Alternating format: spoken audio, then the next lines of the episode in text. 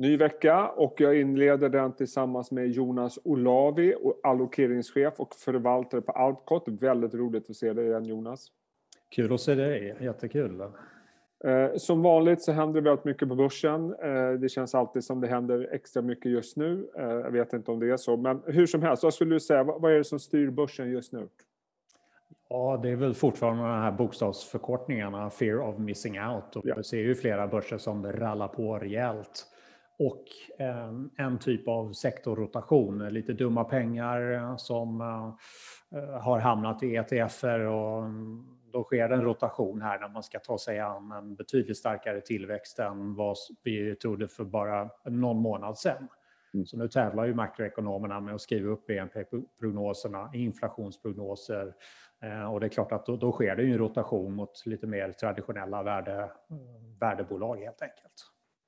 Intressant det du sa där med FOMO. Jag, jag har ju på något sätt känslan av att FOMO är nästan en starkare drivkraft idag än TINA till exempel. Och ändå pratar ju alla om TINA nu, att det är det som påverkar den här sektorrotationen.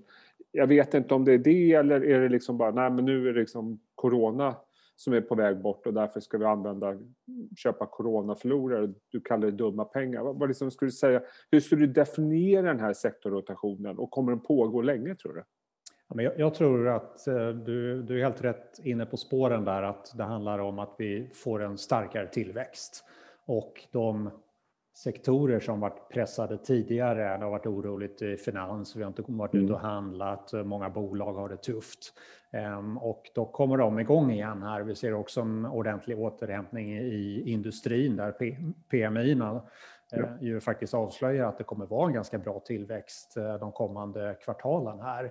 Och eh, det är ju mycket den typen av bolag som har gått starkt och tittar man rent generellt så brukar man ju säga att Sverige, Tyskland och Japan är de marknader som mm. ska gå bäst i en konjunkturförstärkning för att man har väldigt mycket exportbolag eh, som andel av börsen. Då, skilt från till exempel USA som har väldigt mycket domestika bolag och också en betydligt större techsektor. Så här mm. ser vi inte alls samma så upp och gång, om vi ser det inte på världsindex heller, för där ingår ju då USA som eh, en stor portion.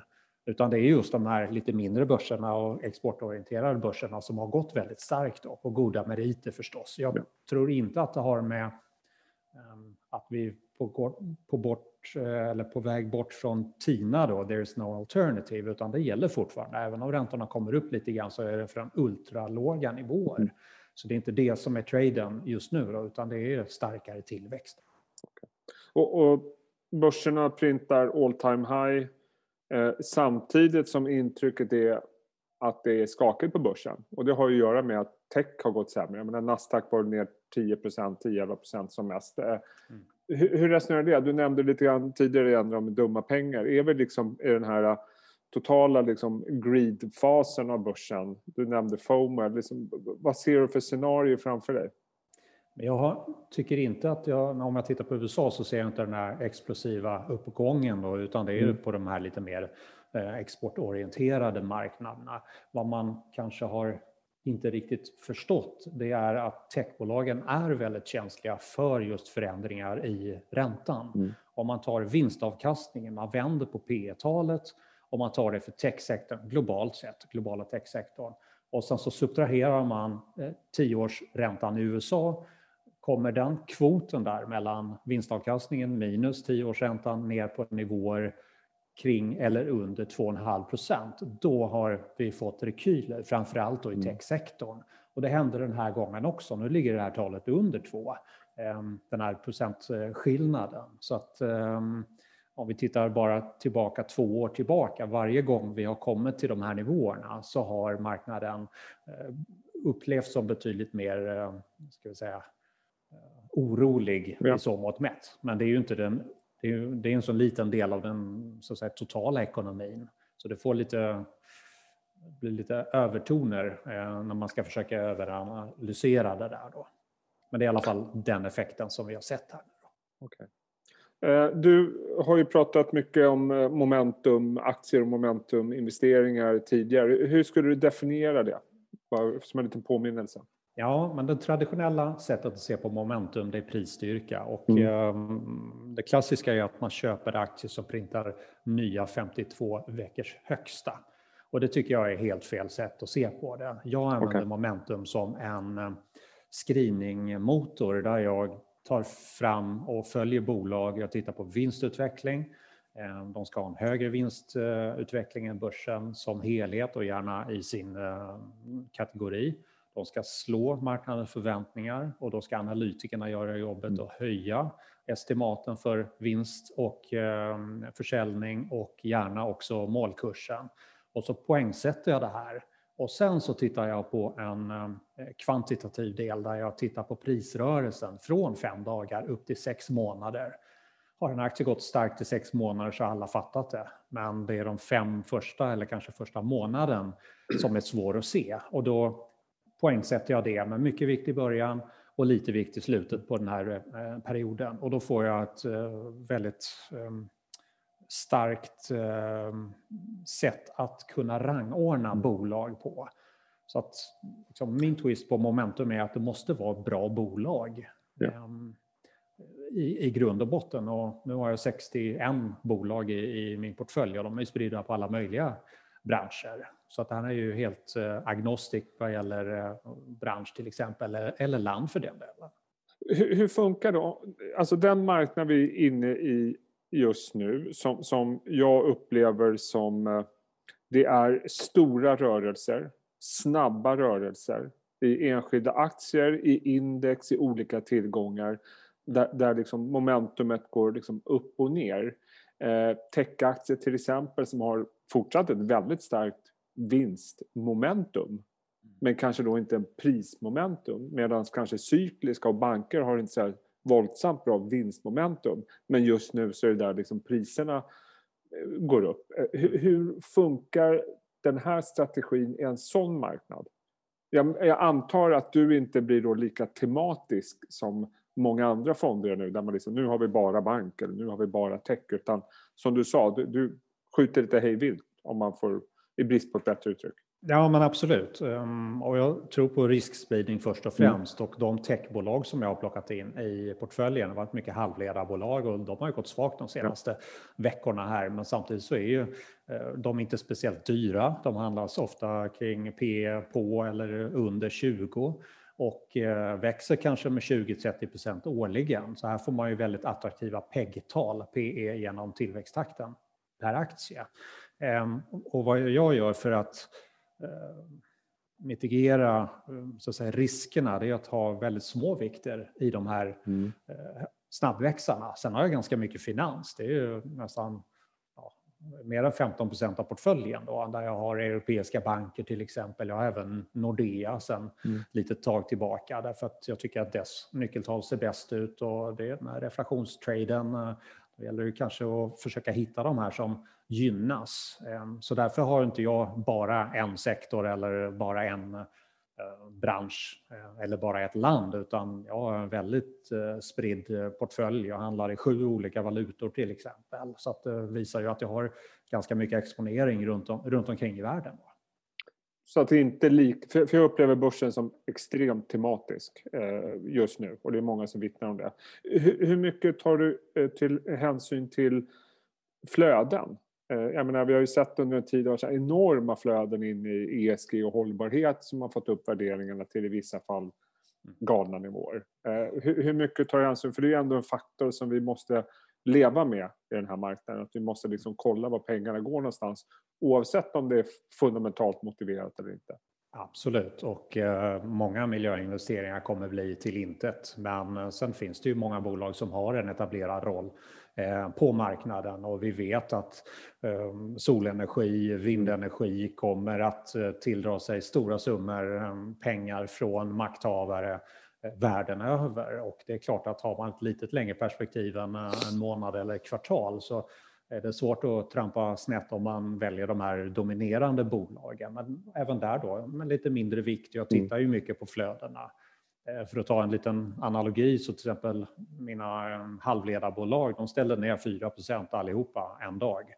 Mm. Ehm, det slog inte jättemycket på performance i och med att jag har små vikter i dem, men då tänker man hur, hur, är det möjligt att alla ställer med just 4 Ja, men då är det ju ETF-flöden. Då säljer ja. de program helt enkelt och då skalar de av precis proportionerligt eh, på det de äger i, mm. i de här ETFerna. Och det får man ju hålla koll på. Men samtidigt så det är lite FOMO. Rätt som det är så kommer folk säga att ja, men de är rätt bra de här bolagen i alla mm. fall. Då. Och egentligen alla halvledarbolag har ju vittnat om en väldigt stark efterfrågan.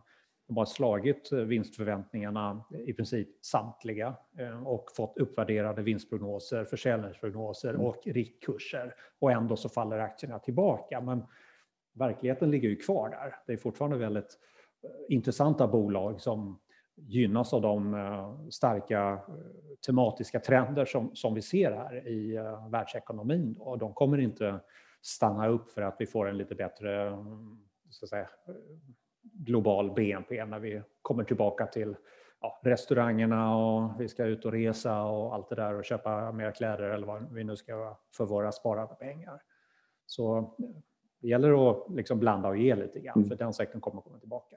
Hur, hur, tänker du kring dina cykliska innehav? Du har bland annat eh, ABB, du har eh, Volvo, Caterpillar. Mm. Vad ser du där?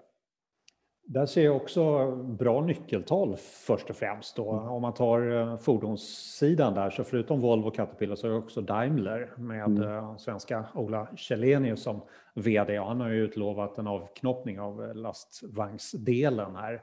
Ehm, så det, det, tycker jag är väldigt intressant. Men du har PEG-tal kring 1 och tittar man på Daimler specifikt så är den väldigt lågt värderad om man tittar på just vinstmultipeln PEG-talet där. Mm har en PEG i år då, på prognoserna i år på 0,1, stiger till 0,6 nästa år, 0,8 om två år. Så det här är ju väldigt, väldigt billig verkstad kan man säga, där det finns eh, optioner med den här utdelningen av lastvagnsdelen. Så att jag tycker de står och går på sina egna meriter mm. då. Och det är klart att mm, när tillväxten kommer igång, då ska det grävas mer i gruvan, då måste vi ha anläggningsmaskiner från Caterpillar eller Volvo ehm, och då ökar efterfrågan där. Ehm, och det ser vi också samtidigt som när hjulen börjar snurra, då behöver vi ju eh, lastvagnar också. Jag tror att vi kommer se uppskrivna prognoser också från okay. Volvo och Caterpillar under det här året då, och framförallt då på den nordamerikanska marknaden. Om man tittar på techsidan, eh, de tre S'en, Sinch, Storytel och eh, eh, vad missar jag för någonting? Stillfront va? Eh, mm. Finns med där. Samtliga aktier har mer eller mindre påverkats negativt av den här, eh, vad ska man kalla det, techfrossen vi har sett eh, hända mm. under 2021. Hur resonerar du kring de här och varför är de kvar om man får uttrycka det på det sättet? Mm. Jag tycker att alla platsar i en långsiktig mm. portfölj. Då. Tittar man på Stillfront så är det väldigt billigt nu. Är P tal på 20 och du har en vinsttillväxt i år då på 101 procent. Eh, faller tillbaka nästa år till 18 procent. Man är ju ändå långt över vad börsen kan prestera och det här är ju superförvärvare ehm, som jag tycker har bevisat sig. Sen kanske de inte kommer en rapport som marknaden vid det tillfället gillar. Då får man lite grann fundera som förvaltare. Hur mycket kan jag tänka mig att aktien ska falla? För många hade ju gått starkt också. Även ja. Sinch då, som ju är högt värderat om man tittar på eh, P tal är ju P på 90 i år då. Men mm. samtidigt så är det ju en, också en explosiv vinsttillväxt. De växer vinsten med 60% årligen de kommande åren.